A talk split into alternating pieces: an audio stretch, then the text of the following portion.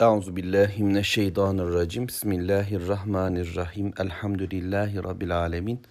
Allahumme salli ala Muhammed. Eşhedü en la ilahe illallah ve eşhedü enne Muhammeden abduhu ve resulü. Sözlerin en güzeli Allahu Teala'nın kitabı olan Kur'an-ı Kerim, yollarında en güzeli Hz. Muhammed sallallahu aleyhi ve sellemin yoludur.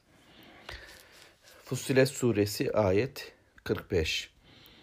وَلَقَدْ آتَيْنَا مُوسَى الْكِتَابَ فَاخْتُلِفَ فِيهِ وَلَوْلَا كَلِمَةٌ سَبَقَتْ مِنْ رَبِّكَ لَقُضِيَ بَيْنَهُمْ وَاِنَّهُمْ لَف۪ي شَكٍ مِنْهُ مُر۪يبٍ Allahu Teala Peygamber aleyhissalatü vesselama evvelki peygamberlerden Musa aleyhisselamı söz konusu yapıyor, gündem yapıyor. Efendimiz sallallahu aleyhi ve selleme bu bir belki öğüt, moral, Mekke kafirleri için de durumun sadece bugün olup biten bir iş olmadığı, tarih boyunca da bu tür bir yapının hep olduğu ile ilgili bir bilgi ve bir tehdit. Bugünü yaşayan biz Müslümanlar için de durum aynı şekilde cereyan edecek. Şimdi kitabımız Kur'an ve Rabbimiz Muhammed Aleyhisselatü Vesselam'a bu beyineyi indirmiş. Ama bu ilk defa olan bir olay değil. Tarihte ilk defa Musa Aleyhisselam'a da Allahu Teala kitap gönderdi. Musa Aleyhisselam'a kadar ki olan dönem yani Hazreti Adem'le başlayan insanlık Hud Aleyhisselam yani Nuh Aleyhisselam tabii ki Şit, İdris dönemlerinde de sayfalar var. Daha sonraki dönemlerde İbrahim Aleyhisselam ile birlikte e, sayfalar dönemi, suhuf dönemi yaşanıyor. Ve bu dönemde helakler var. E, Musa Aleyhisselam'ın hayat, Musa Aleyhisselam'ın hayatının ilk bölümü, peygamberliğinin de ilk bölümü Firavunlu yıllar. O yıllarda da yine Musa Aleyhisselam sayfeler dönemi peygamber olarak e, sayfalardan aldığı bilgilerle Allah'ın vahyini duyuruyor bütün peygamber aleyhisselamlar gibi. Sonra son yıkılan kavim e, Firavun ve hanedanlığı yani onunla beraber olan Ali suda boğuldu orduları. Karun yerin dibine geçirildi ve Firavun'la birlikte olanlar da suda boğuldular. Musa aleyhisselam ve beraberindekiler çöl, Tih çölündeler. Allahu Teala Musa aleyhisselamı 40 günlüğüne Tur'a çağırdı ve ona levhaları verdi, kitabı verdi, Tevrat'ı verdi. Böylece kitap çağı başladı. İşte Allahu Teala bunu anlatıyor bize. وَلَقَدْ آتَيْنَا Musel kitap. Biz Musa'ya da kitap verdik. Fakat ondan sonraki nesiller فَخْتُلِفَ ف۪يهِ Onun hakkında ihtilaf ettiler, muhalefet ettiler, karşı geldiler. Elbette iman edip Musa Aleyhisselam'ın istediği bir hayatı yani Rabbimizin oluşturduğu sosyal, ekonomik, siyasi düzenlemelerin tamamına evet diyen, iman eden bu böyledir. Belirleyici Allah'tır. Hayatımızın tamamında o söz sahibidir diyen müminler oldu. Peygamber yolunda giden kimseler. Fakat daha sonraki yıllarda bundan vazgeçtiler. Biliyorsunuz Musa aleyhisselam ve Harun aleyhisselamın vefatı sonrasında Allahu Alem Yoşa peygamber döneminde Filistin'i fethetti Müslümanlar ve orada bir İslam devleti kurdular. Tevrat'ın yasalarıyla hükmettiler ve böylece mübarek bir hayatları oldu. Fakat ardından kendi kitaplarına ihtilaf ettiler. Kitaplarından başka yöne saptılar. Başka yerde arayışta oldular. E, kitabı terk ettiler, arkalarına attılar, yan çizdiler. Onunla ilgilerini zayıflattılar veya başka şeyler yaşadılar. Bu sebeple de Allahu Teala onların üzerine bir kavmi musallat etti.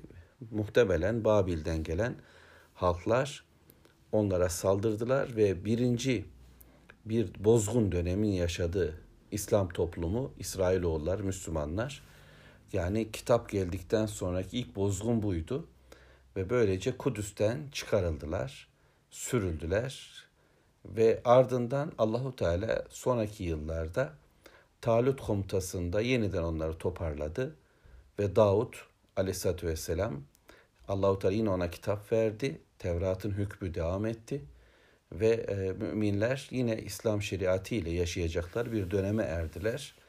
Süleyman peygamber zamanında bu daha da yükseklere tırmandı. Fakat daha sonraki yıllarda yine Allah'ın kelamına, kitaba, Rabbin indirdiği tüm bilgilere muhalefet ettiler, yan çizdiler, karşı geldiler. Başka arayışlara girdiler. Vahiy ile teması kesip bilimle, sihirle yani insan aklı, tecrübeleri ve sezgileriyle hayatı anlamlandırma derdine düştüler. Bu Süleyman'daki güç ve iktidar e, dediler bilimle olmaktadır, sihirle olmaktadır, insani bilgiyle olmaktadır deyip başka yollara düştüler. Bunun üzerine de Allahu Teala Romalıları onların üzerine musallat etti ve ikinci bozgunu yaşadılar. İşte insanların Tevrat'la olan tavırları böyle oldu. Musa'ya verilenler de bunu Musa'ya verilen kitap hakkında da bunlar yaşandı. Ey Muhammed sallallahu aleyhi ve sellem sana verilen Kur'an hakkında da şu an Mekke müşrikleri tam bir muhalif pozisyondalar. Yani Allah hayata karışmaz. Biz bu hayatı kendimiz yaşarız. Neyi ne yapacağımızı, nasıl bir hayat süreceğimizi biz belirleriz. Sağlığı nasıl ayarlayacağız? Ekonomiyi nasıl ayarlayacağız? Helal ve haramları nasıl yasalaştıracağız? Nasıl giyinip nasıl işte çıkaracağız? Nasıl eğlenip nasıl düğün yapacağız?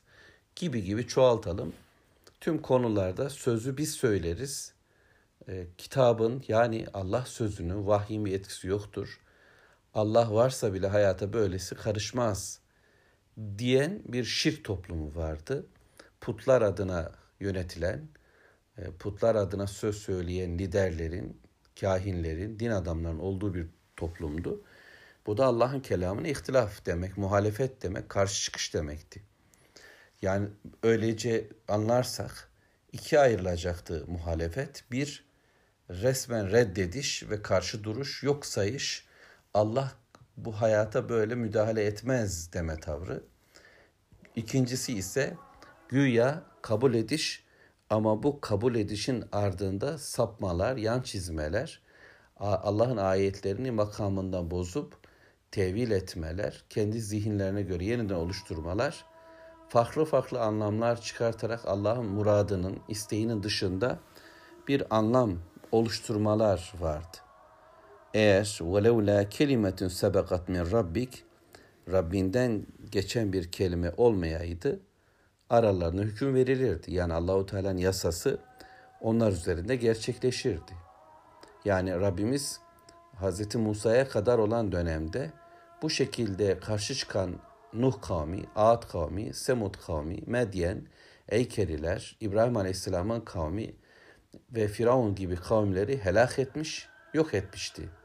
Ama Rabbimizin sonraki nesiller için böyle bir azap etmeme sözü ve hesabı kıyamette alacağıyla ilgili bir ifadesi var. Her kavme Allahu Teala bir ecel verdi ve bu ecel bitinceye kadar da onlar bırakılacaklardı. Bu başı bırakıl boş bırakılmak anlamda değil ama Rabbimizin hesabı o gün yapacağı ile ilgili bir yasası vardı. Eğer o olmayaydı böylesi bir karşı çıkış onların işini bitirirdi. Hem de Allahu Teala belki de bu karşı çıkanların soylarından başkaca imanlar ortaya çıkartacaktı. Nitekim Velid bin Mughire'nin oğlu Halit, işte Ebu Cehil'in oğlu İkrime, As bin Vail'in oğlu Abdullah Amr bin El As düzeltiyorum. Ee, Müslüman oldular. İslam'ın hizmetkarı oldular. Bu Allah'ın yasasıydı. Ve innahum lefi şekkin minhu murib. Gerçi bu karşı çıkanlar, Allahu Teala'nın kitabıyla savaşa girişenler, savaşa tutuşanlar bundan, bu kitaptan da e, yani bu kitabın hak olup olmadığı konusundaki karşı çıkışlarından da şüphedeydiler. Yani birinci şüpheleri Allah karışmaz. Bu ne böyle diyor. Tereddüt içindeydiler. Öte yandan aklı başında mantıklı, kendi bilim disiplinleri içerisinde de tutarlı bir muhalefetleri yoktu.